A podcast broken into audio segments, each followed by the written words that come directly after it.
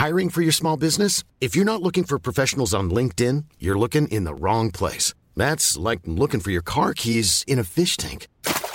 LinkedIn helps you hire professionals you can't find anywhere else, even those who aren't actively searching for a new job but might be open to the perfect role. In a given month, over 70% of LinkedIn users don't even visit other leading job sites. So start looking in the right place. With LinkedIn, you can hire professionals like a professional. Post your free job on linkedin.com slash people today. Hey, I'm Ryan Reynolds. At Mint Mobile, we like to do the opposite of what Big Wireless does. They charge you a lot, we charge you a little. So naturally, when they announced they'd be raising their prices due to inflation, we decided to deflate our prices due to not hating you. That's right. We're cutting the price of Mint Unlimited from $30 a month to just $15 a month. Give it a try at mintmobile.com slash switch. $45 upfront for three months plus taxes and fees. Promo rate for new customers for limited time. Unlimited more than 40 gigabytes per month. Slows. Full terms at mintmobile.com.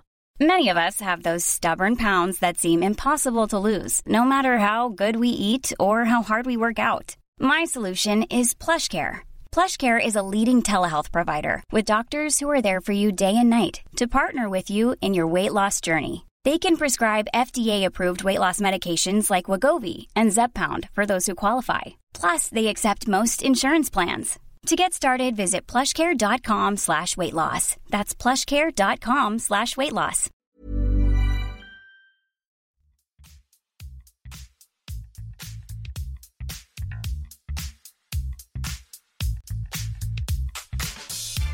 Ja, Hans Christer, vi eh, har en spennende spesialgjest på besøk eh, her på podkasten om litt nå.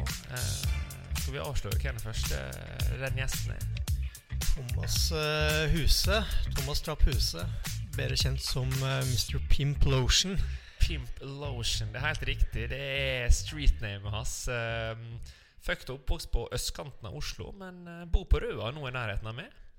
Ja, og han er jo eh, Han er jo eh, en som vi har fulgt med på lenge. Han har jo eh, skrevet litt eh, låter om langrenn. Vi eh, har jo fulgt ham litt på sosiale medier og ser at han er eh, glad i å gå på ski. Glad i å Veldig nysgjerrig type, vil jeg si. Glad i å forske litt på, på helsa si. Um, så han tror jeg det blir eh, spennende å ta en prat med. Ja, jeg tror det blir utrolig spennende. Og det vi har gjort i sånn background research på han, er jo at han har jo mange titalls millioner avspillinger på Spotify. Og har faktisk en bachelor fra USA innenfor eh, fysiologi og biologi. Så han har nok litt mer kunnskap enn kanskje folk flest tror da, eh, om trening. Men eh, vi får se. Vi gleder oss i hvert fall veldig til eh, å få han på besøk i vår.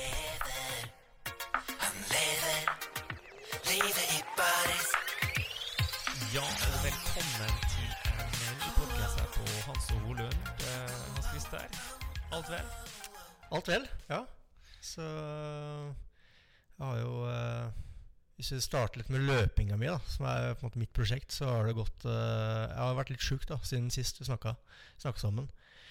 Men eh, nå er jeg back in the game. Uh, skal løpe hytteplanmila om to uker. Mhm. Hva, hva tenker du å løpe på der? Ja? Jeg, tror det skal være mulig å komme ned på 31. Et eller annet. Eh, 30-tallet er litt, litt heavy. Eh, men rundt 31. Eh, og så forhåpentligvis Dette her er et sånt prosjekt jeg liksom skal ha kanskje et par år fram i tid. da Så drømmemålene er liksom eh, ned mot 30, eller 29,59? Det er det, ja. For, ja. Eh, det er liksom sub 30 og sub 220 på maraton. Mm. Det er liksom Det er drømmemålet. Men eh, så har jeg startet å trene litt, og så ser jeg at jeg er jo er milevis bak eh, de tidene. Så Ja, hvordan er løpestilen? da? For det er litt sånn kjent greie med skiløpere at de sitter og løper, er det ikke det? jo, jo, jo. Så bruker liksom Ja, lø, nå veit jeg ikke hvor mye teknikk har å si i løping, da. Eller de som har peiling på det, sier at desto mer du løper, desto Altså teknikken kommer litt av seg sjøl, da. Mm. Uh, men uh, jeg løper jo uh, Var med ned til uh, å løpe Marslonga-løpet med Coop for en måned siden. Løper nedover og liksom ja, kjennes bra ut. Og føles som steget er flyter bra. Og, liksom, og så kommer jeg i mål, og så ser jeg litt sånn filmklipp av meg sjøl løpe. da skjønner jeg at eh, det bildet jeg har i hodet, det stemmer jo ikke helt overens med, med virkeligheten. Da. Nei, men jeg ser jo faktisk Først er det jo løpere eh, Altså legendariske løpere gjennom historien som er kjent for å løpe ganske stygt. da Mm. sånn, eh, at det er jo helt åpenbart at det går an å ha en ganske I hvert fall ikke en veldig pen løpestil og likevel løpe veldig bra. Og det samme gjelder jo langrenn òg. Mm. Altså det er jo noen som parodierer disse for, forskjellige eh, stilene til kjente langrennsløpere. Så det er jo åpenbart at det, er, eh, det funker med forskjellige stiler. da Mm. Det er jo Nesten alle de kjente langrennsløperne har jo en eller annen sånn uh, stil som vi kanskje ikke nødvendigvis ser helt uh, perfekt uh, ut med tanke på bruk av energi. da Ja, ja, ja. Det er sånn det, det er jo Tora Berger hadde sin stil. Du- Hjelmeset hadde sin stil. eh, Du kan jo bare- hadde sin stil. Ja, ja. Du kan jo bare nevne meg òg. Jeg Jeg ble vel ikke huska gjennom historien for den som gikk penest på ski, akkurat. Eh, men eh, jeg mener sjøl at liksom Så for langrenn, da, så er det Det er noen som er opptatt av at det skal se pent ut, Mm. sånn estetisk. Eh, Ja, hvem syns du går penest, da? Nei, eh, kjedelig svar, da, fordi alle trekker opp Crabbo. Eh, Men eh, han går sabla bra på ski, altså. Han Mm. gjør det. Eh, men så har du Men det er ikke altså Det er ikke sikkert at det er den mest effektive skiteknikken. Eh, og, og, og som du sier, du har jo Det er så mange måter å gå på ski på Mm. at det, det, er, det er ikke noe fasit, det er ikke noe mal på hvordan du skal gå på ski. Eh, til syvende og sist så handler det om å komme seg mest mulig effektivt fra, fra start til mål. Mm. Uh, Det er jo om å gjøre kanskje ikke sånn sløse på med energien som ikke går i, i fremdrift. da ja. men, men, som, men det er jo da som jeg nevnte Det er jo masse, masse forskjellige stiler Mm. som likevel åpenbart funker. da Ja. Og også i løping. ja eh, vi får håpe det. Så det blir spennende å se. Men eh, Lotion eh, har jo gjort litt research før du kom hit i dag. Sett at du har sprunget du, har du googla meg? Eh, Jeg har vært og googla det. det var, men det var, det var dessverre litt for lite eh, juicy ting å finne på det. Eh, det er vel litt sånn som er med en eh, real gangster. Dere, dere rydder opp etter dere. Ja. Men, men ikke, eh, du driver ikke noe snitching i gangstermiljøet? det er helt riktig. Det er viktig. Men, men jeg fant at du har sprunget 10 km på 39,40 med neseteip. Er det riktig? Og hytteplanen er jo 10 km. Eller er det fake news på Eh, nei, det er helt riktig. Det, mm, eh, det gjorde jeg i fjor. Ja, det er riktig. Eh, Jeg hadde egentlig tenkt Jeg hadde fått billett til eh, Jeg kunne overta billetten til en eh, jeg kjente på hytteplan. Eh, og da, for da får man jo harde altså da kan man på en måte velge sånn, Da kan man få hjelp, da. Ja. Eh, men da hadde jeg dessverre konsert i Trondheim den helgen, så jeg kunne ikke da. Så, for da tror jeg det kunne løpt fortere. Fordi den eh, 39 Altså, jeg hadde som mål da å løpe med nesepust sub 40. Ja. Og da tenkte jeg, når jeg satte det målet, så var det sånn Jeg liker å sette meg mål som jeg tror på.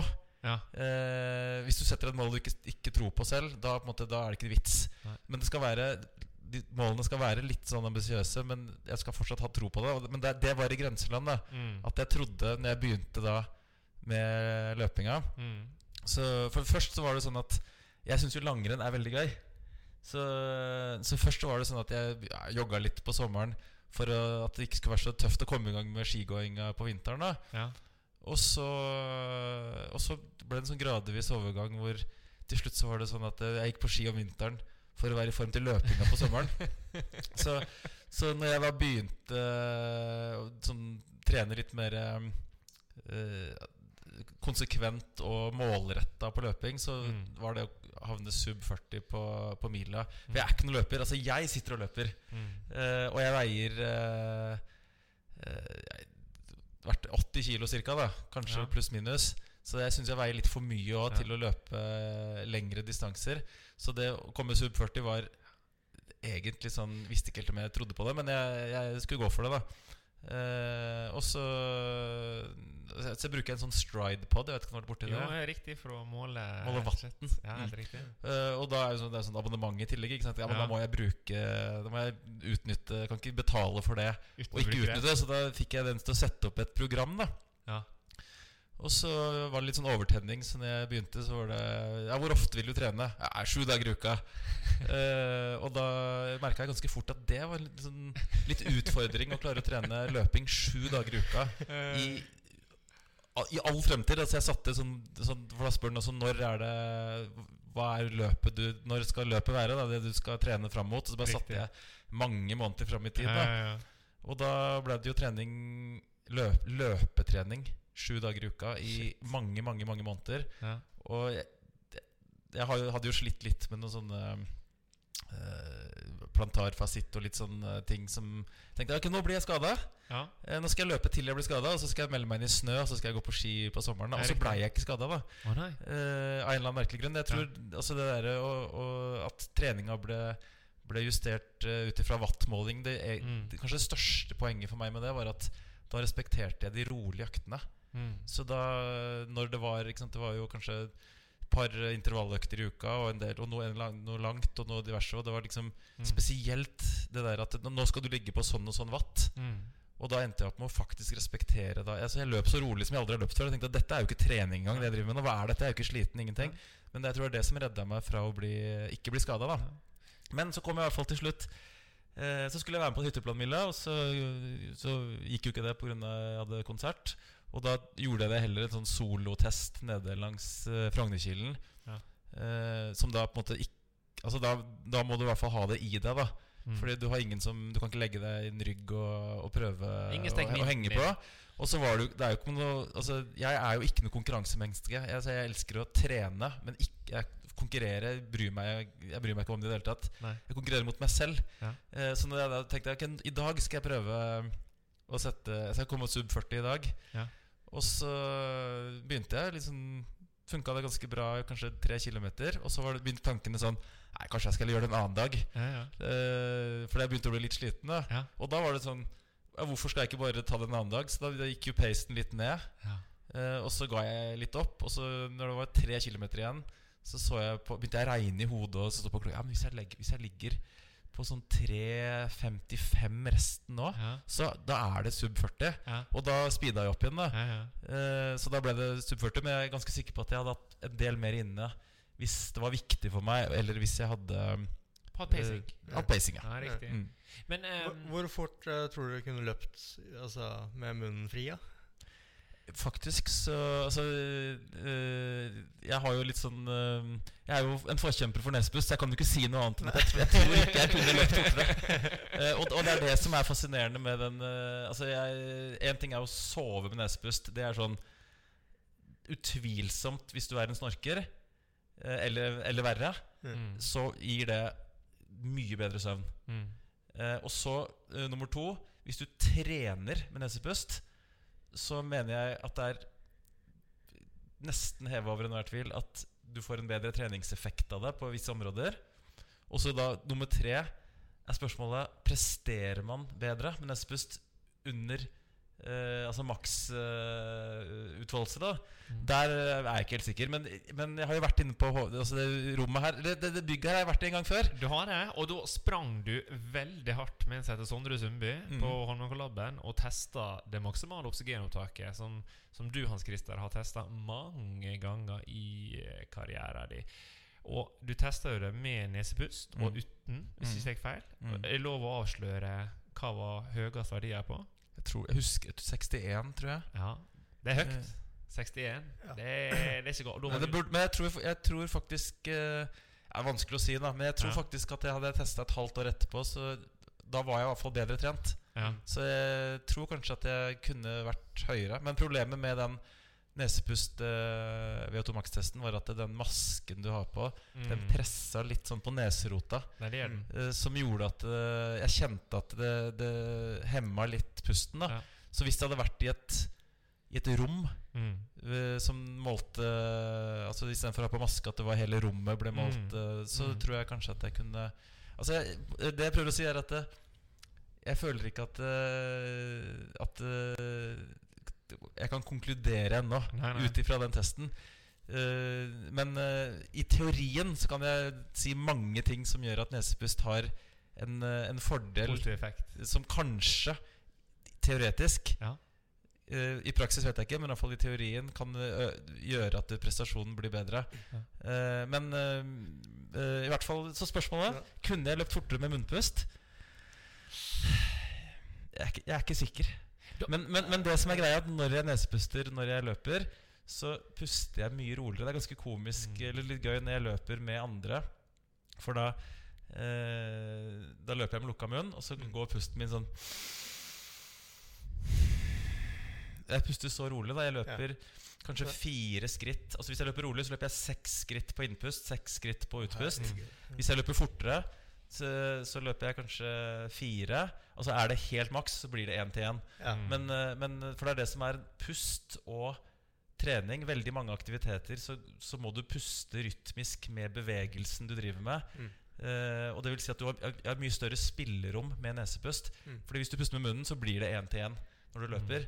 Hvis du puster med nesa, så kan du ha veldig lange, dype pust. Så du får mange, mange færre, eller altså færre pust. da Ja, ja. og, og, og det blir mindre slitsomt for respirasjonsmusklene. Og det var jo når jeg begynte med pust, så drev jeg med noe som het eh, Det er mange år siden Så drev jeg med noe som heter Wim Hof-pusting. Jeg vet ikke om dere har hørt om det Wim der, ja. Hof har vi hørt om, Hans Christer. Til og med Ja, ja. høyt diskutert på ei Sjusjøen-samling. Husker Ja, jeg med. Didrik Tønseth og en del andre. Men husker skal ikke, Nå kan du få fortsette med Wim Hof her, men, men eh, ja, det her ble diskutert. Ja, i, I hvert fall eh, Så en av ting altså, Han er jo en sånn Iceman, kalles han. Da, så han har jo en del ting med både sånn gå, eller isbading og, og gå noen fjellturer og sånn på veldig kaldt. Og så er det dette med pusting, da. Mm. Og det er en sånn prosedyre som da kalles Wim Hof breathing, Mm. som går på å først hyperventilere ganske kraftig, Ja. og så holde pusten eh, kjempelenge, Ja. og så tilbake igjen. eh, det er en sånn eh, prosedyre. Mm. Og, og når jeg drev med det, så det, det, Veldig mange tenker at det, det vonde med det er den å holde pusten. Ja. Men jeg syns det vonde med Wim Hof Det jeg grua meg mest til når jeg skulle Wim Hof-puste, det var den ekstreme hyperventileringa, for det var så slitsomt. Ja. Så, og, og, sånn at når du da går løp, da eller trener, eller noe sånt, så puster du jo sånn der og, og, og det er du, Når du er i aktivitet og løper, så tenker du kanskje ikke så nøye over det. Nå ble jeg faktisk svimmel pga. Hyperventileringa. eh, men eh, det å puste så aggressivt Hvis du Ja. sitter stille og ikke gjør andre ting Mm.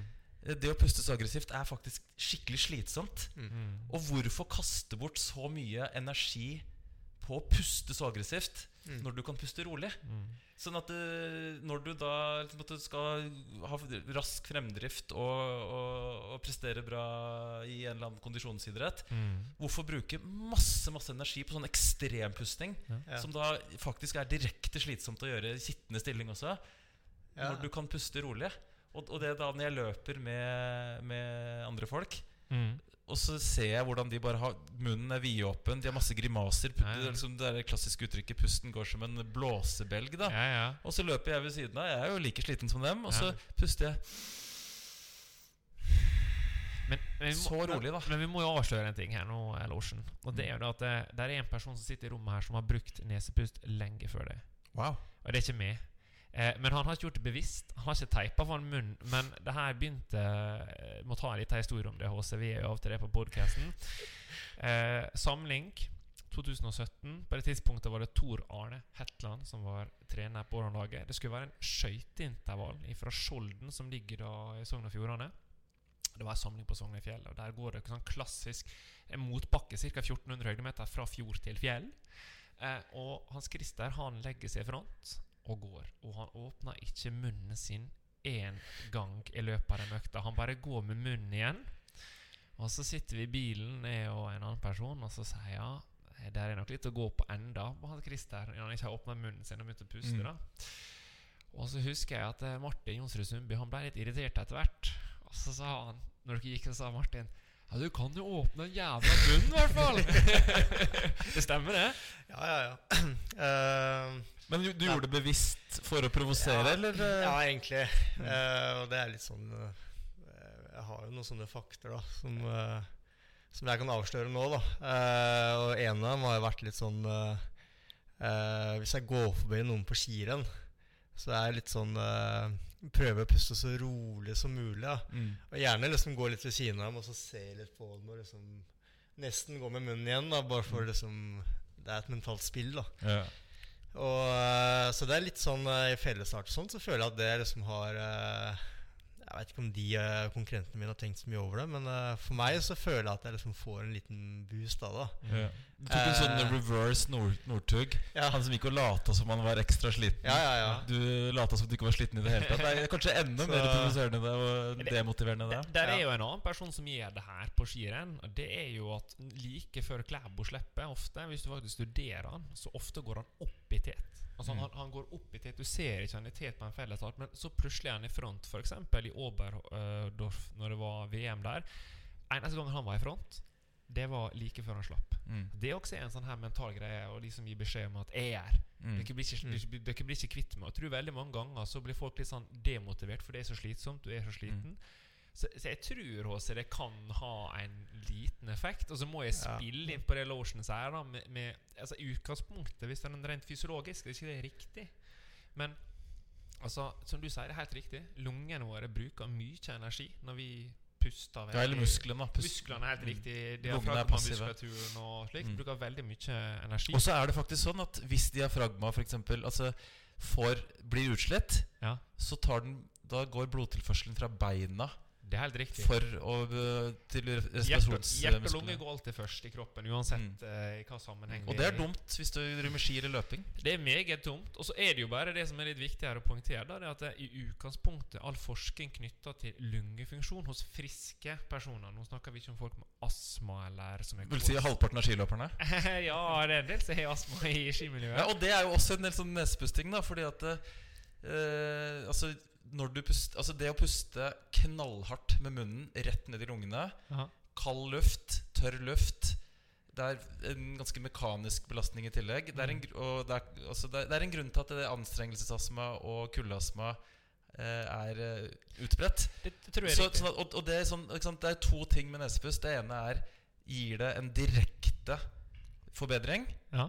Og det andre er er det indirekte gunstig. For at hvis du holder deg frisk, Mm. eh, du får mindre inflammasjoner i kroppen, du restituerer bedre, det er jo på sikt prestasjonsfremmende. Det er jo uten tvil. Men det jeg skulle si, var at det, i forhold til det her med at det, der er jo et slags nivå hvor kanskje det ligger en liten begrensning hvor mye eh, ventilasjon eller luft du kan få inn gjennom neseborene dine. Sikkert trenbart, Mm. men, men vi er jo i utgangspunktet overdimensjonert. Altså Lungene for de fleste er ikke begrensende.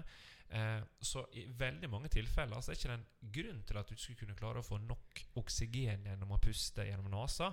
Men jeg tror nok hos ekstremt godt trente utøvere som Hans Christer, kan det er feil, Mm. så tror jeg rett og slett det å ikke bruke munnen da til slutt For når du blir sliten HC på intervallene, så måtte du åpne Jeg, gapet jeg ditt du åpna munnen når jeg hadde gått forbi. eh, så Nei, men Du, du jeg smugpusta litt med munnen, ingen så. Inni Ja.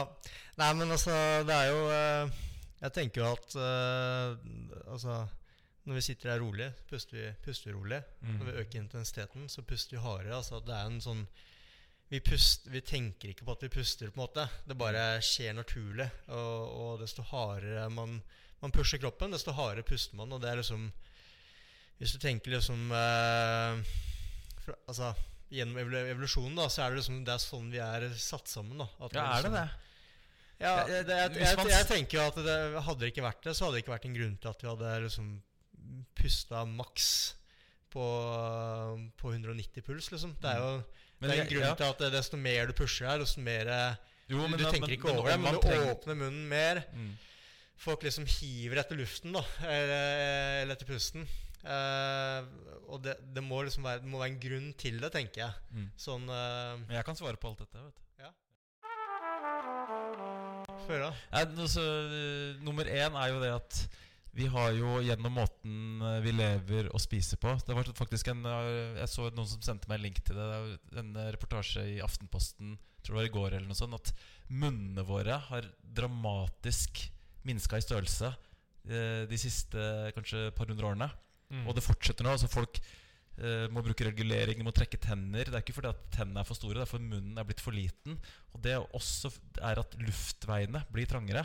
Og hvorfor har vi mennesker forandra så mye på de siste La oss si Altså Du kan se fra utgravninger da og se på hodeskallene til mennesker som levde for 500 år siden. Så hadde de et helt annet pusteorgan. Mm. Mye større, altså Kjevene var større. Det var, alt var mer åpent. Uh, sånn at grunnen til at vi kanskje trenger å puste med munnen nå, Mm. det er fordi at vi, det er for trangt i, uh, i pusteorganet. Og hvorfor er det det? Man tror det er fordi at vi tygger mye mindre enn enn vi originalt gjorde. Før så spiste vi mat Altså alt som er sunt nå, som er det som, som blir regna som sunt, da, er liksom smoothie. Du ser du har banan der borte. Du har noe sånn iskaffe. Altså, vi, vi tygger mye mindre fra vi er barn av, Mm. som gjør at kjeve og kraniet utvikler seg mindre. Alt blir trangere. Mm. Sånn at går du Altså det, Hvis du ser på hodeskaller til uh, mennesker som levde for en del hundre år siden, så mener man at man kan se da at de pusta med munnen Nei, med nesa. Mm. Også under uh, hard aktivitet. da Mm. Ja. Så grunnen til at vi har begynt å puste så mye i munnen, er kanskje fordi at vi rett og slett har begynt å leve unaturlig, og vi har ikke utvikla uh, luftveiene og, og kraniet og kjeven sånn som den skulle vært. Ja. Uh, men uh, en, en annen ting også. Når du da begynner å bli ekstremt andpusten, og du må hive til pusten og puste Ja, med munnen, ja. vet du hvorfor du må det? Vet du, vet du mekanikken bak, eller uh, kjemien bak? Ja, jeg- jeg- sånn halvveis, men Ja. du kan jo ta meg gjennom det. Ja, For, ja, for det, folk tror jo at hvis du blir andpusten, så er det fordi at du får for lite oksygen. Mm. Men det er ikke tilfellet. Det hjernen registrerer, er at den syns at du har for mye CO2. Så, og det er en terskel som kan trenes opp. Ja. Barreseptorer heter jo det da for de som er veldig interessert. Og de fins i både vener og arterier. Så det er helt riktig som Pimp sier her. Det er barreseptorer og kemireseptorer. Altså, måler også det påvirkes litt av pH-verdien også i blodet, men i Mm. utgangspunktet så er det helt riktig som mm. Og da gjelder det da Hvis du da eh, gjennom f.eks. En av tingene med å trene med nesepust er flere fordeler som jeg kan eh, kunne dratt fra, men en av de er jo at du, du gjør det motsatte av hyperventilering. Mm. Fordi når du puster med munnen, så kvitter du deg med veldig mye CO2. Ja. Men når jeg puster med nesa, så gjør jeg ikke det. Sånn at når du en, altså jeg, kan, jeg har noen ganger gjort det eksperimentet at jeg har trent med en person som er, åpenbart mye bedre trent enn meg. Og så har vi begge prøvd nesepust. Og så har jeg da sant, trent nesepust uh, i årevis. Og så er denne personen er en munnpuster. Og plutselig så er det sånn at eh, den personen blir mer sliten enn meg. Fordi at den CO2-terskelen som den personen har, som er sinnssykt godt trent, Mm. er lavere enn min. Mm. Så det vil si at jeg kan ligge fordi min CO2-terskel er så høy, og det er veldig gunstig med mye CO2 i blodet. da har den boreffekten. ikke sant? Sånn, hvis, du har, eh, hvis, eh, altså hvis du har mye CO2 i blodet, så gir hemoglobinet fra, lettere fra seg oksygen. Mm. Og det er det som er poenget. Det Poenget er ikke å få mest mulig luft inn og ut. Problem, poenget er jo å få mest mulig oksygen til vevet som, trengs, som trenger oksygen. Så, du, det, så det er jo det hvor mye du faktisk får ut i musklene, som betyr noe. Ikke hvor mye du har fått ut i lungene. Mm. Så eh, da har jeg Min CO2-terskel har blitt veldig høy. Mm. Så jeg kan da ligge på opp mot makspuls uten å føle meg spesielt andpusten. Ja. Og det er ganske behagelig. Når jeg blir når jeg, La oss si når jeg skulle løpe den sub eh, 40-mila da Ja. og, og pusta med nesa, så merker jeg at selvfølgelig at når jeg da løper Så det kommer jo til et punkt hvor jeg kjenner at ja, nå er jeg sliten, nå, nå har jeg ikke mer å gi. Nå, nå, måte, nå prøver jeg å, å guffe på mer, men, men jeg, jeg, jeg, det svarer ikke, da. Nei, nei. Men det er ikke Altså da, Når man driver og løper, så tenker altså man, Det er sikkert Når du går ut fem timer på ski, så tenker du mye. ikke sant? Sånn Mm, der, mm. tenk, Tankene flyr. Og en, en av de tankene jeg ofte da tenker, er Hvorfor? Hva, hva er det som butter nå? Ja. Hvor, hvor er, det, er det smerte, eller hva, hva er grunnen til at jeg ikke, ikke klarer å, å ta i mer? Mm. Og det er For at før så var det pusten. Mm. Jeg kjente at jeg ble helt det, Pusten gikk, og jeg var liksom mens, mens nå, etter at jeg begynte med nesepust, og jeg, jeg sånn skal yte maks, Ja. så blir jeg ikke ubehagelig andpusten. Selv når jeg er helt på grensa til Altså helt oppe i makspuls, så er det ikke pusten som butter. da Det er andre ting. Men er, det- er det fordi du ikke Det kan jo være fordi at du ikke, i og med at du kun puster gjennom nesa, at du ikke Du klarer ikke å gå hardt nok da med, det, med den oksygenen du får inn. Fordi du liksom Du begrenser et eller annet. da Ja, det, det kan være, men, jeg, men jeg, jeg gjør det jo ikke fortere med Nei. munnpust heller. Nei, Så forskjellen med munnpust og nesepust er at eh, jeg presterer da, La oss si på den uh, VO2 Max-testen med Sondre, da at jeg presterer like bra, mens med nesepust så er det mye mindre ubehagelig. Mm. Og jeg, jeg er mer sånn rolig i pusten, og det er ikke Jeg får ikke den ut- smerten som er med å være ekstremt andpusten, og du liksom du, altså du, Jeg får jo blodsmak i altså Det var en sånn aha-opplevelse aha-opplevelse jeg fikk når jeg tok den VO2 Max-testen. For jeg gjør jo veldig lite med munnpust. Ja. Er at etterpå, når jeg var ferdig, Ja. så var jeg helt gående i halsen. Og jeg Sår. hadde sånn skikkelig blodsmak Ja. og sår i luftveiene.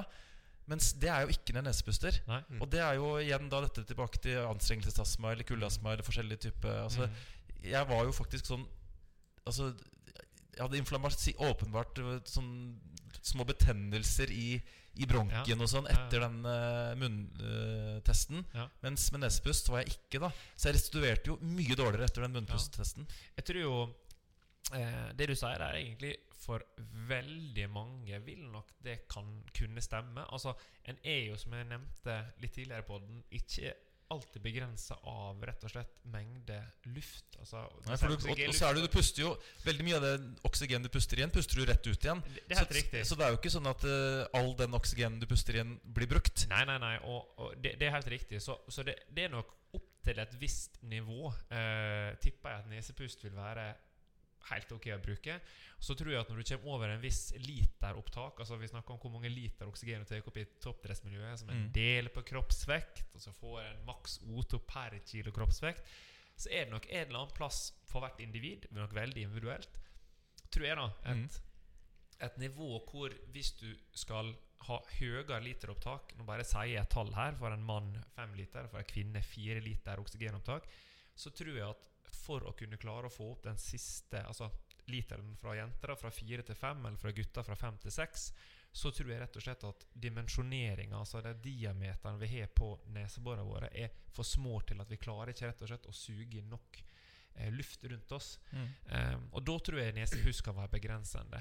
Og så er, det spennende med det du sier, da. Fordi eh, nå må jeg spørre, jeg vet ikke engang om, om begge dere har hørt om det. Sikkert har dere det, for du er jo meget belest og interessert i det meste.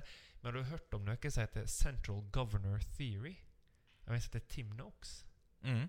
Ja. Han fra Sør-Afrika. Det er helt riktig, han er fra Sør-Afrika. Har du også hørt The law of running. Nei. Nei. Han, han er jo litt inne på det du prater om her i forhold til det med CO2. Altså evnen til å tolerere eh, CO2, eller evnen til å oppfatte når er vi slitne. Det mener han kun er en governor, og det er jo da hjernen som er governoren, og hjertet. Det er de to enkeltfaktorene som egentlig bestemmer alt. Så alt vi har lært om treningsfysiologi, er feil. Det er egentlig hjernen som gir nevrologiske signal til de andre organene, og så er det det som påvirker. Og i toppidretten så prater vi mye om at du må venne deg til å gå hardøkt igjen. Eh, Er ikke du enig i det, Hans Christian? At i starten, når du kanskje skulle toppe formen Du trente siste åra veldig kontrollert, mye volum, mye terskel. Men så er det viktig å blåse på O2-en, kanskje om. Men, men det handler også om det å skulle tilvenne seg igjen og ha det ubehag eller ubehagelig, eller? Jeg, jeg vet ikke hva det er, men eh, det er jo eh, Det er jo i så min trening siste årene var jo eh, Alt var jo uten noe særlig laktat. Eh, liksom Terskel var det høyeste jeg trente på. Eh, og, og litt av grunnen til det var, at, var nok at jeg hadde, hadde, hadde nok maksa VO2-maksen min. Eh, jeg, jeg klarte ikke å trene høyere. Jeg hadde et år hvor jeg la ned veldig mye trening eh, for å prøve å øke VO2 Maxen, og det skjedde ingenting. Eh, så, eh, men, men det jeg merka når jeg kun trente på terskel, var at det ble et sånn Når jeg virkelig skulle dra til, så ble det et sjokk da, for kroppen. Eh, litt sånn det du nevnte i stad, at det var liksom, følte meg helt sånn der eh, sår i halsen nesten etter at jeg hadde, hadde gått et testløp eller uh, gått de første konkurransene. Helt sånn eh, Ja, det var liksom følte at det var et sjokk for kroppen. Men så var det to-tre av de øktene så følte jeg liksom at jeg fikk blåst gjennom. da Mm. Uh, så det Ja. Uh, var, og, og, og jeg tror nok også at prestasjonen økte gjennom å liksom få blåst gjennom systemet, kan du si. da Eh, Og det er viktig å huske, som, som du er inne på, Losjen Altså, Lungene våre er jo en muskel. Så på lik linje med eh, Hvis du ikke bruker så ofte lungene dine, så tenker jeg for deg at Jeg sier det er riktig, det heller, men at eh, går du på gymmen og ikke har kjørt knebøy på en stund, og så legger du på samme vekta du gjorde for et halvt år siden når du hadde trent regelmessig knebøy, så blir du ganske sår i muskulaturen. Og Det tenker jeg gjelder litt for lungene også. Altså Hvis du ikke har brukt på en måte maksimal ventilasjon på lungene dine, så er det en ganske røff skade som skjer der. er sånn mikroskopiske, inflammatoriske sår du får i lungene, da, som gjør at Og det, det fysisk Du blør. Så at når folk sier Mm. Ja, det er, så den blodsmaken det, Ja, det er fordi det- det faktisk er blod. Det er faktisk for at det faktisk er blod. Men Og- det får jeg aldri med nesepust. Uansett hvor aggressivt jeg trener. Nei, og det kan jo være en sånn liten, som du sier, med tanke på helse. Med tanke Mm. på når du kanskje blir litt eldre. Eh, eller også for eh, Jeg tenker andre restitusjon, jeg. Ja, ja, for eksempel hvis du skal ha Mm. rolig økte. Kan, kanskje kan det være noe som Kan være noe som folk kan tenke over, da, rett og slett. Mm. Men uh, uh, en sånn siste ting, da. Jeg har jo mm, tatt flere VO2 Max-tester enn begge dere. tenker Eller kanskje ikke deg, Hans. Du har jo tatt en del på deg sjøl. Men, men Det er eh, gøy. ja, ja, det er gøy. Det er veldig gøy. Jeg syns det er gøy med tall og få litt målinger på ting. Uh, men når jeg har kjørt disse testene, så har jeg jo Jeg blir jo hele tiden fortalt at liksom Husk å puste, husk å puste, på en måte. Og så liksom Jeg minner meg selv på at ok, nå skal jeg virkelig trekke pusten. Og liksom blåse opp lungene, da. Så øker faktisk VO2-maksen min med Mm. Altså, den kan gå fra 85 til uh, 89, liksom. Uh, bare ved liksom blåse ordentlig, da. Ja. Eh, Og, og det tror jeg stemmer. Og da er vi inne på det vi prata om i den første podkasten om VO2 max og målefeil. Det er jo det at eh, Hva er det vi egentlig måler på en VO2 max-test? Jo, vi måler egentlig mengden CO2 du puster ut. Mm. Fordi det gir en indikasjon på faktisk hva som har blitt brutt ned i kroppen. Sant? Altså CO2 er jo da reststoff av en aerob energiomsetning, eller også en anaerob for den del, men det sier noe om energiprosessene. Og hvis du da puster veldig mye mot slutten av testen, Mm. så puster du også ut mer CO2. Og da vil apparatet fortolke det som at Mm. ah, nå har han tatt opp en større mengde oksygen. Mm. Så, så det, det er vanskelig å vite. Det kan være en liten målefeil også, men, men jeg tror Jeg må jo si jeg jeg, tror tror, jo jeg tror det hjelper å bruke munnen når du er på et høyt nok fysisk nivå. Altså Nå snakker vi på elitenivå. Mm. Usikker når vi, Som jeg sa, hvis du er en godt trent normal person, er jeg usikker på om nødvendigvis det å puse nesepust er begrensende. faktisk Jeg, jeg tror at eh, Altså, jeg har jo ikke konkludert det, Dette er jo et sånn pågående eksperiment som Ja, jeg driver med.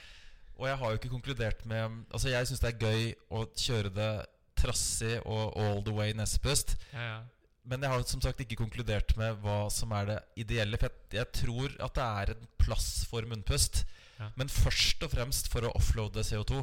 Mm. Så, så jeg tenker at det sånn Kanskje heller mot at hvis jeg hadde drevet med langrenn eller løping, så hadde jeg nesepusta i store deler av løpet.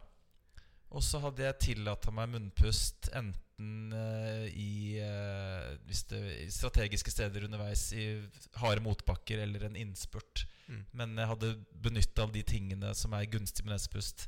I hvert fall i de deler av løpene hvor, eh, hvor det er rolig. Eller roligere.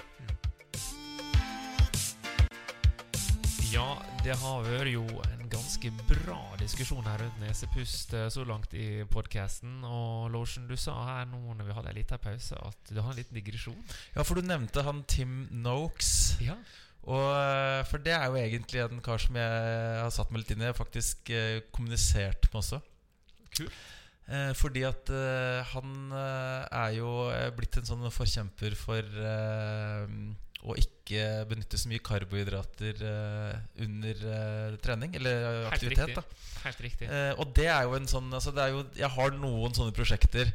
Og det ene er jo da nesepustprosjektet. Ja. Og det andre er at jeg ser hvor mye jeg kan makse ut eh, fettoksidering eh, under trening. Altså hvor høy watt eh, jeg kan generere. ja. Hvor, altså ikke være så avhengig av um, kun eh, glukose. da ja. og Jeg ser jo du kjører på med banan og noe iskaffer, og du er, du, sikkert en sånn eh, som alle i eh, som er innunder Olympiatoppen og, og sånn, er ganske, Ja, jeg er ganske glad i glukose. Ja, ja.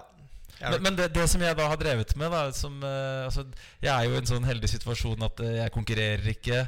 Eh, jeg bare konkurrerer med meg selv. Jeg Ja. kan utforske alt mulig rart. Og det er jo eh, og, det, og da å booste på en måte min eh, evne til å bruke fett som energi under aktivitet. Sånn at jeg Mm. går jo og jeg, jeg tror kanskje jeg mener å huske at jeg har hørt deg nevne det i en eller annen setting. Men eh, lange, lange økter på fastende mage Mm.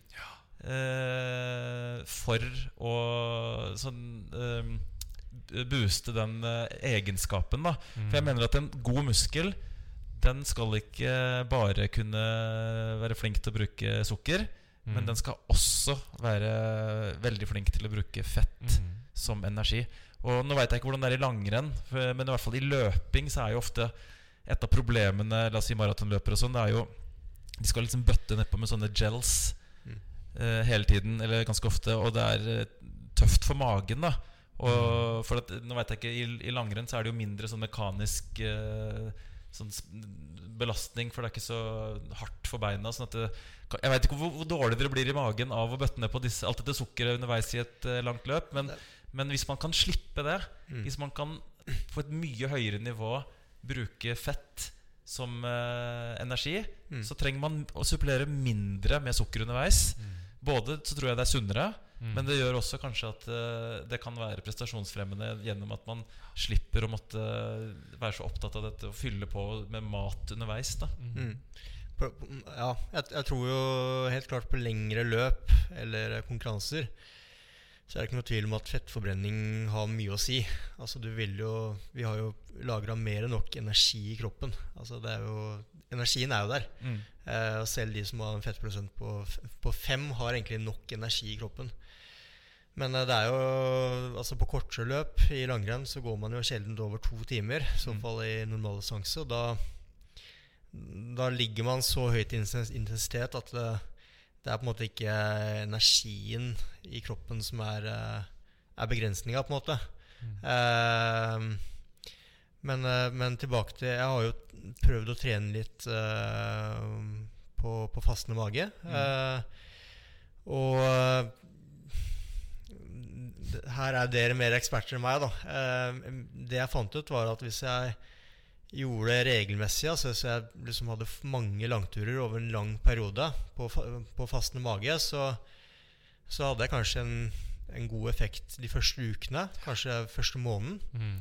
Eh, men så føltes det ut som at det ble mer og mer en slitasje på kroppen. Mm. At det liksom det gikk fra liksom Belastningen ble for stor på en måte i forhold til hvor mye jeg trente ellers. At det liksom Ja, det sleit- mangel på næring, eller under selve, selve Nei, men? Restitusjonstiden ble, ble lengre, da fordi du tømte deg mer. Sant? Og Ja. så skulle jeg gjerne trene en andre økt, eller jeg skulle gjerne trene dagen etterpå. Og da klarte jeg ikke å komme på plussida igjen. Da. Eh, men det, det jeg fant ut, var at uh, ehm, ehm, Det fant jeg ut litt ved en tilfeldighet at jeg skulle gå uh, Holmenkollmarsjen.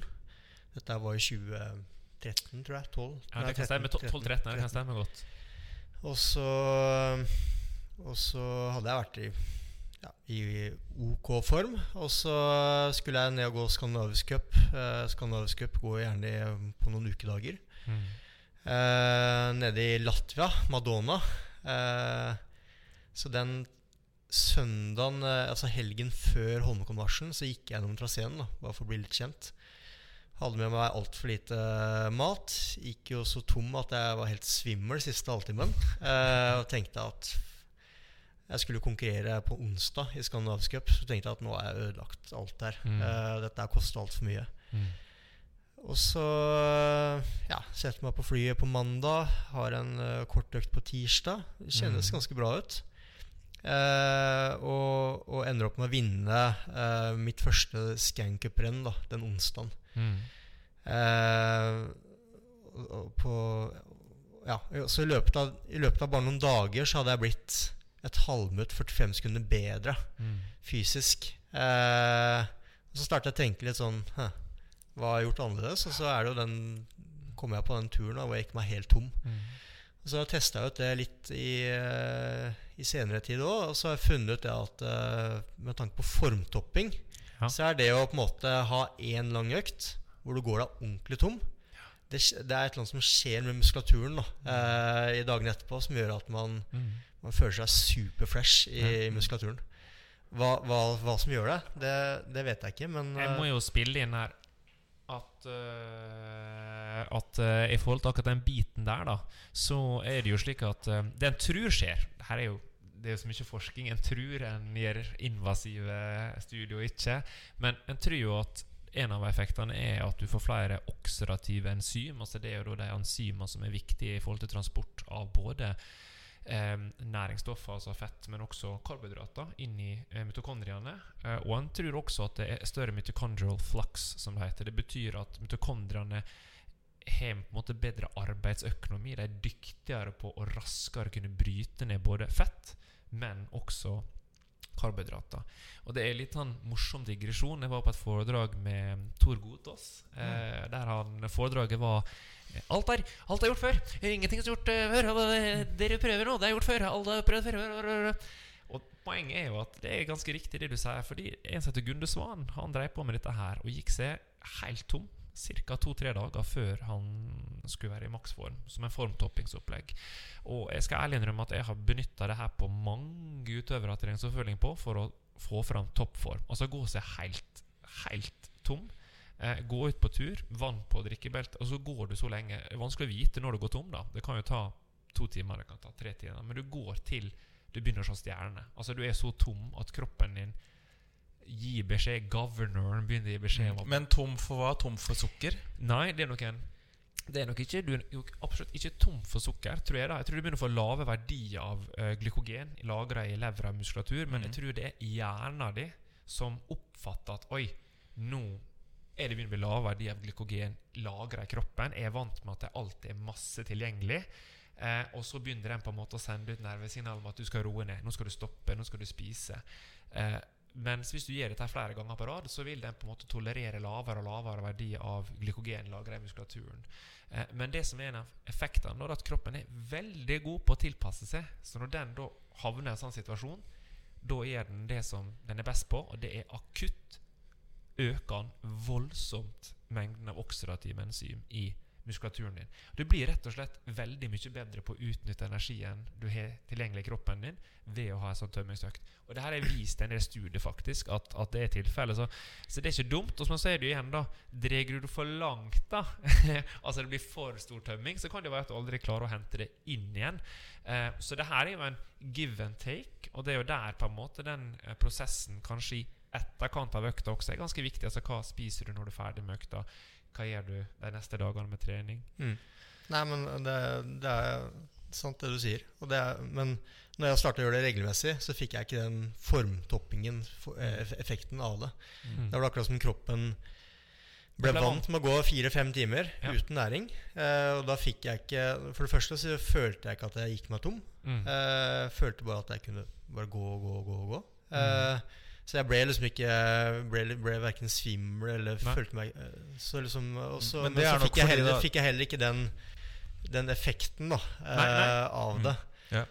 ja. for jeg tenker, jeg tenker jo jeg, altså jeg tenker jo ikke formtopping først og fremst.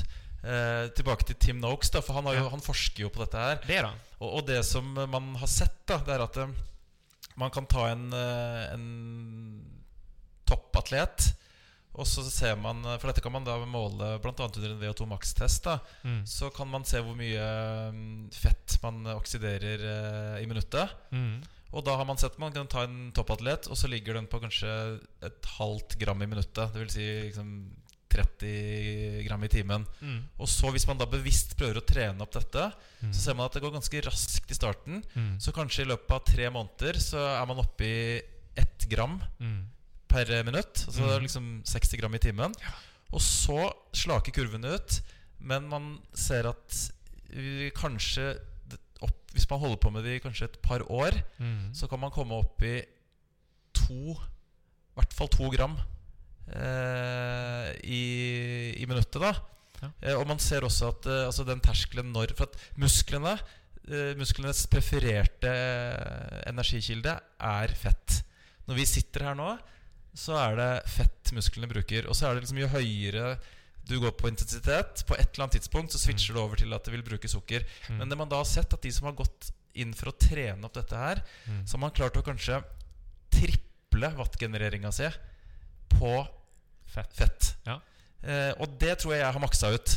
Mm. Eh, det vil si at eh, jeg har jo da gått ti mil for eksempel, uten å ta inn eh, mm. næring. Mm. Eh, fordi at eh, jeg, kan, jeg tror jeg kan ligge veldig Altså Jeg spiser nesten ikke karbohydrater i det hele tatt. Og jeg nei. bruker også sånn CGM-måler i armen. Ikke sant? Ja, Så jeg kan jo Jeg følger jo med på, på hvor mye sukker jeg har i, i Riktig. blodet. Eller egentlig Og CGM, da, for de som følger med på podkasten, det er jo da noe tilsvarende Super Sapien, som måler Ja. glukosen i blodet. Continuous glucose eh, monitor. Da. Yes. Uh, og jeg ser jo da at sant, Nummer én så ser jeg at uh, når jeg da skal trene Selv før jeg kommer i gang med trening Ja. Hvis jeg veit at jeg skal ha en hard treningsøkt, Ja. så går blodsukkeret mitt opp. Mm. Da veit hjernen skjønner at uh, nå trenger liksom Bare tanken på det gjør at uh, leveren pumper ut eh, ekstra med sukker. da Ja. Og når jeg, jeg, altså, jeg har da gått eh, i timevis Mm. på ski, eller har løpt eh, i hvert fall to timer. Og jeg har høyt Altså Det er jo egentlig ikke Det måler jo ikke blodsukkeret, for det måler jo eh, sukkeret i sånn uh, ekstracellulær væske, da. Men altså det er bare en liten lag på det. Indirekte, Ja. eh, sitt, indirekte bilde av hvordan det ser ut i muskulaturen, eller i blodet som er i muskulatur. da Men, men jeg kan jo da se at jeg kan holde på i timevis Ja. med ganske hard, eh, harde økter uten at blodsukkeret mitt faller. Ja. Fordi at jeg da tydeligvis har maksa ut hvor mye fett jeg kan forbrenne på eh, med høy wattgenerering. Ja. Som gjør at eh, jeg bruker mindre sukker. Jeg bruker fortsatt sukker, men jeg bruker mindre. Mm. Sånn at det tar mye mye, mye lengre tid å bruke opp det sukkeret som jeg har lagra i muskulaturen. Og, og det som er litt viktig, da, sånn hvis du går litt inn i det som er arbeidsfysiologi altså Rent bare fysiologisk så er det fett også i kroppen vår. Eh, lipidene våre, triglyceridene våre, de blir jo omdanna til glukose. Mm. Det er jo det som er så fantastisk med kroppen vår. Det er jo at det er noe som heter glykogenase, som omdanner disse lipidene vi lager i kroppen, til glukose. Mm. Men det tar litt lengre tid. Og det er jo nettopp det du beskriver her. Det er jo at etter hvert kan du bli veldig dyktig på å raskere omdanne disse triglycerida, fettcellene som du har i kroppen, til glukose, som kroppen nå kan benytte til aerobt arbeid. Mm. Um, og der er jo det litt sånn som med at du Hans Christer, du har jo en stor motor, genetisk nok litt medfødt. Altså Vi snakker 90-tallet her. Vi skal ikke avsløre toppmålingene, men eh, vi snakker 90, og Lotion her har over 60, vet vi. Um, men, men der også er det genetikk. Der er noen sånn som Eliud Kipchoge er vist å ha en enorm evne til å oksidere fett. Og når vi snakker om oksidasjon av fett, så tenker folk at da er det fettceller som går inn i muskulaturen, og så bruker muskulaturen fettceller. Nei, oksidasjon er jo at du bryter ned dette her triglyceridet, eller det som heter glykogenase. Ikke så viktig det ordet, men det blir omdannet til glukose. Og da har den fettcella samme funksjon som hvis du spiser karbohydrater. Altså det har gått over til å bli et glukosemolekyl, som er det glykogen blir brutt ned til. Men Mm. bryt, nedbryting av glykogen til glukose går for de fleste av oss betydelig, betydelig raskere. Så eh, det kanskje å trene også, som du snakker om her, eh, med lite næring eller lite inntak av karbohydrater, vil kunne øke fettoksidasjon. Men så er spørsmålet, da, Håse, som du er inne på, hvor mye kan du trene før det begynner å gå utover restitusjon, f.eks.? For, eksempel? for det er Mm. klart at det, du snakka om at du løpte sju dager på rad.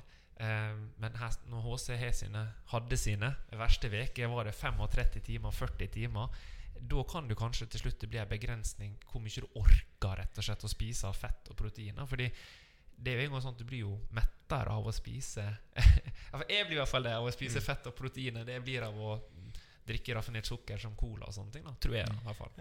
Og, og, og, der, og der må man skille mellom vanlig mann i gata. Eh, nå er ikke du helt, helt en vanlig mann i gata, men en må skille mellom, mellom en mosjonist og en toppidrettsutøver. Fordi det er, det er to forskjellige liv. Eh, Men jeg tror jo, eh, selv om jeg sitter her og drikker iskaffe og banan og Jeg tror jo at for folk flest så spiser vi for mye carbs. Mm. Eh, Jeg er helt enig i det. bare og så er det liksom den uh, lille prosenten på toppen som driver Som trener opp mot 30 timer i uka. Mm. Uh, så kan nok det å kutte Altså spise mer fett og proteiner og mindre carbs det, uh, det kan nok bli en begrensning på hvor mye trening en tåler, da, eller klarer å absorbere. Mm. Eh, fordi Men- men- ja, men fordi det er jo litt sånn Spiser du en biff, så bruker kroppen eh, ganske mye energi på å gjøre om dette her. Eller, eller til å fordøye den biffen. da sant? Hvis du heller i deg eh, noe drikke med sukker, så går det liksom bare, går liksom bare rett i blodet eller rett i muskulaturen. Så Mm. Men det er også en annen ting Jeg har jo så mange ting fore. For det er en, en annen ting som, altså, som jeg også er um, eh, Altså jeg er jo en outspoken carnivore, så jeg spiser jo, eh, spiser jo mye kjøtt. Mm. Og jeg er jo ganske opptatt av, av proteiner, da. For det er jo også en ting sånn Det som jeg hører veldig mye når toppidrettsutøvere snakker, så virker det som at restitusjon for dem er å fylle opp glykogenlagrene og liksom veldig opptatt av å få i seg Ja. sukker, da. Ja. Men uh, man må ikke glemme at eh, det å Eller protein er også sinnssykt viktig for restitusjon. Fordi uh, man skal eh, Altså muskelfibre og sånn som har uh, gått eh, Som er nedbrutt Ja. etter en lang treningsøkt. Og spesielt sånne langdistanseløpere. Folk tenker at protein det er, det er sånn folk på gymmen, sånn treningsstyrkeløftere. Mm. Men faktisk så, så vil jeg argumentere for at det å få i seg Å passe på at du får i deg nok protein hvis du driver med langdistanse, det er nesten viktigere enn hvis du driver med styrketrening. Mm. Og det, det sier sånn tommelfingerregel at for hver time du trener eh, kondis, så trenger du 10 gram proteiner ekstra enn det som, eh, Mm. det som er på en måte den, den eh, vanlige Mm, mm. anbefalingen. da Mm. så, sånn at eh, jeg vil, altså, er det, sånn, Hvor bevisst er, øh, er dere da proteinmengden? Jeg ville sagt at hvis jeg drev med Med langdistanse, så ville jeg prøvd å få i meg minst to gram per kilo kroppsvekt i Mm. døgnet. Ja, nei, altså jeg, øh, Det jeg liksom har følt opp gjennom i, i karrieren er, Jeg har jo også testa ut litt forskjellige typer kosthold. Uh, så, så liksom Det jeg føler gir meg energi, er karbohydrater og fett. Det er liksom Og det er det som er energi. Også, også protein er proteiner. og Det er liksom det som bygger opp muskulaturen. Men Riktig. jeg klarer ikke å liksom kjenne på kroppen at Jeg klarer ikke å kjenne på kroppen at det liksom gjør Jeg by- jeg by- bygger opp muskulaturen igjen. At det Mm. har, har en effekt på restitusjonen. Eller jeg, liksom, det er vanskeligere å kjenne effekten av protein. Da. Mm. Uh, det er ikke noe tvil om at det har en effekt. Og så er jo også spørsmålet hvor, som du er inne på, da, hvor mye trenger man? på en måte Eh, og, det, og det er sånn Si at man trener mye, så forbrenner man 3000-4000 kalorier per døgn. da Og så er det jo det fordelingen av fett, protein og karbohydrater. Det er jo den miksen der man må prøve å optimalisere. Mm. Eh, og hvis kroppen da eh, ikke klarer å ta til seg mer proteiner i timen, eh, og du spiser veldig mye mer av eh, kaloriene som er proteiner, så er det sånn Ja, jeg veit ikke. Jeg, jeg har satt meg ganske grundig inn i forskning på dette. her da Ja. Og for restitusjonsdel så vil det være For de som driver med sånn altså lange, lange økter, Mm. så vil for restitusjonsdel det være veldig gunstig å prioritere protein. At du Altså, det trenger du Du må få den visse mengden protein som du da trenger for å reparere muskler, skader, mm. eh, alt som er brutt ned. I tillegg så er det gunstig for immunforsvaret. Mm. Eh, og så får man supplere med fett og, og carbs ut ifra hva man trenger av energi. Mm. Men at du, det er en måte man må prioritere protein rett og slett for restitusjonsdel. Tror du eh, det har stor betydning om du velger da animalsk protein versus vegetabilsk? Og tror du det har en eh, betydning hva alder du har? Det er absolutt uh, Alt har det har betydning. Nummer Ja. én, jo eldre du blir, jo mer protein trenger du. Ja. Det er litt sånn uh, Man tenker kanskje motsatt. Mm. Men kroppen har jo da en evne til å den kan, Altså En normal person trenger rundt Voksen person trenger rundt Å erstatte rundt 300 gram protein i døgnet. mm. Eh, og når du er yngre, så har du kroppen en sånn evne til å resirkulere. Altså Du bryter ned hele tiden. ikke sant? Mm. Så har den en evne til å resirkulere det som blir brutt ned, og bruke på nytt. Men den evnen den blir dårligere med alderen. Mm. Sånn at eh, en ungdom kan klare seg med mindre. Mm. Og jo eldre du blir, hvis du skal, karrieren skal vare lenge, da hvis du Ja, ja. liksom kommer opp i midten av 30-årene, Ja. Så vil jeg virkelig anbefale å steppe opp proteingamet og få i seg mer protein, fordi den evnen til å resirkulere blir dårligere. Mm. Og en annen ting også, ikke sant, når jeg, når jeg da snakka om de som drar på gymmen og trener styrke, kontra det å, å drive med langdistanse, det er at det som trigger muskelproteinsyntese, eh, det er nummer én så er, Eller jeg skal ikke rangere det, men det å trene veldig knallhard styrke, det i seg selv er med å trigge muskelsyntese. Men hvis du trener bare langdistanse, Mm. så er ikke det en, en hard nok påkjenning til at det trigger eh, altså mTOR. Da, som, riktig, mTOR. Eh, Og da, da er det proteinene som eh, altså Spesielt den aminosyren lusin. Det er den som trigger setter i gang den syntesen. Mm. Eh, Sånn at eh, hvis du driver med styrketrening, så får du i gang muskelsyntese Mm. Litt uavhengig av Du er ikke like avhengig av stor mengde Mm. protein, men når du driver med langdistanse, så er det, kost, altså det er kostholdet ditt som Men- trigger muskelsyntesen. Men eh, Lotion, du har jo stålkontroll på dette her. Jeg er jo enig i alt du sier nå. Eh, sånn det er sagt Men, men for deg som lytter på Du sa lysin kan Mm. sette i gang denne mTOR og den her Lusin. Eh, Lusin her Ja, det er annet som heter Eh, lysin. Helt riktig. Lusin. Unnskyld, det var jeg som sa feil.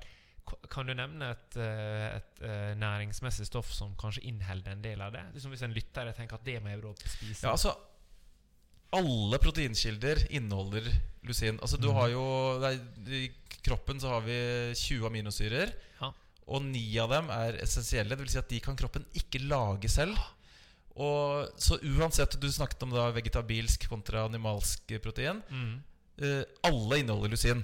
Ja. Men eh, det er en sånn aminosyreprofil. Da, sånn at eh, noen eh, stoffer inneholder eh, mindre av de essensielle aminosyrene, og andre Ja. inneholder mer. Så mm, det, det, over hele fjøla så er det sånn at animalsk protein inneholder mer Mm. lusin enn vegetabilsk Mm. eller planteprotein. Det går, det går an å kunne være vegetarianer og veganer, men da må man spise mer Mm. for å få i seg riktig, den riktige mengden. Det er kanskje Altså For en vanlig mann i gata som i utgangspunktet sliter med å være overernært, Mm. så er det jo dumt om å spise enda mer for å få i seg de aminosyrene man Ja. trenger.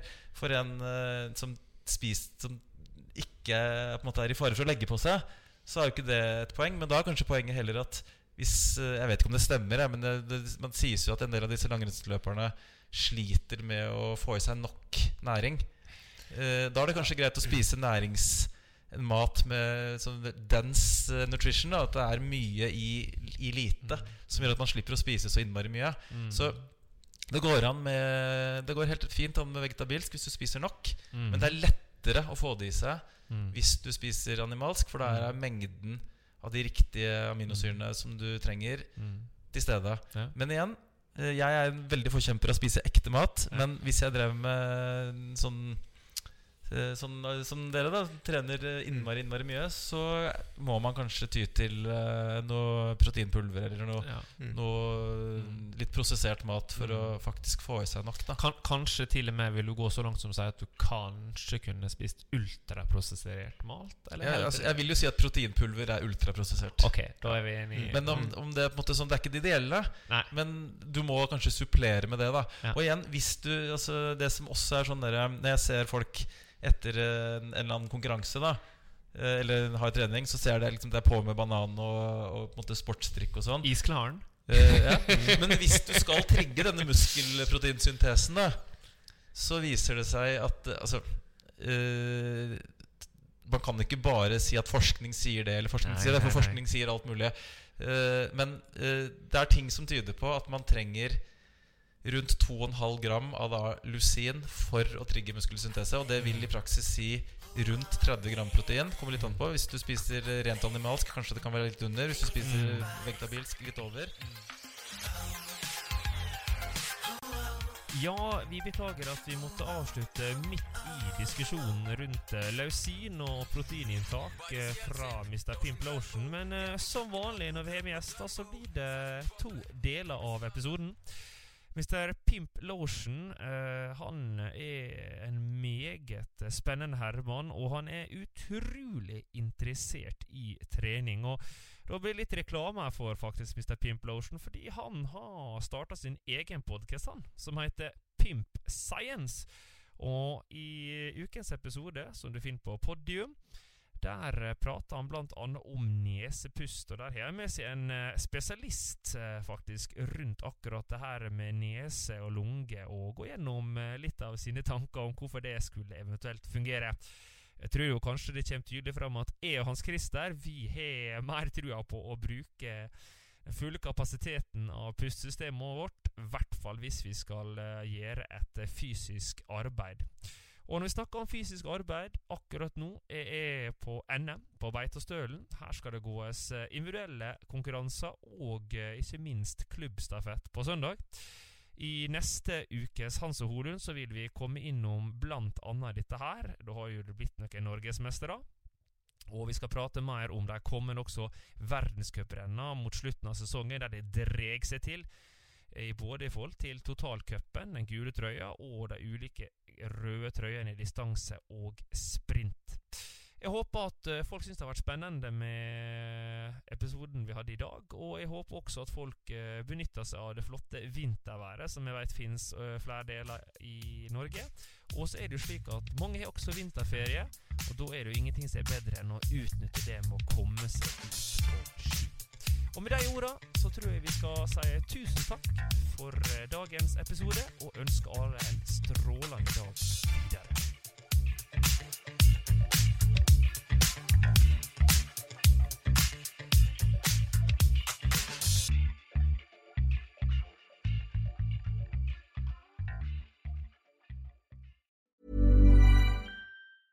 Planning for your next trip? Elevate your travel style with Quince. Quince has all the jet setting essentials you'll want for your next getaway, like European linen, premium luggage options, buttery soft Italian leather bags, and so much more. And is all priced at 50 to 80% less than similar brands. Plus, Quince only works with factories that use safe and ethical manufacturing practices. Pack your bags with high-quality essentials you'll be wearing for vacations to come with Quince. Go to quince.com/pack for free shipping and 365-day returns. Hold up. What was that? Boring. No flavor. That was as bad as those leftovers you ate all week. Kiki Palmer here, and it's time to say hello to something fresh and guilt-free. Hello Fresh. Jazz up dinner with pecan-crusted chicken or garlic butter shrimp scampi. Now that's music to my mouth. Hello Fresh. Let's get this dinner party started. Discover all the delicious possibilities at hellofresh.com. Planning for your next trip? Elevate your travel style with Quince. Quince has all the jet setting essentials you'll want for your next getaway, like European linen, premium luggage options, buttery soft Italian leather bags, and so much more. And is all priced at 50 to 80% less than similar brands. Plus, Quince only works with factories that use safe and ethical manufacturing practices. Pack your bags with high-quality essentials you'll be wearing for vacations to come with Quince. Go to quince.com/pack for free shipping and 365-day returns.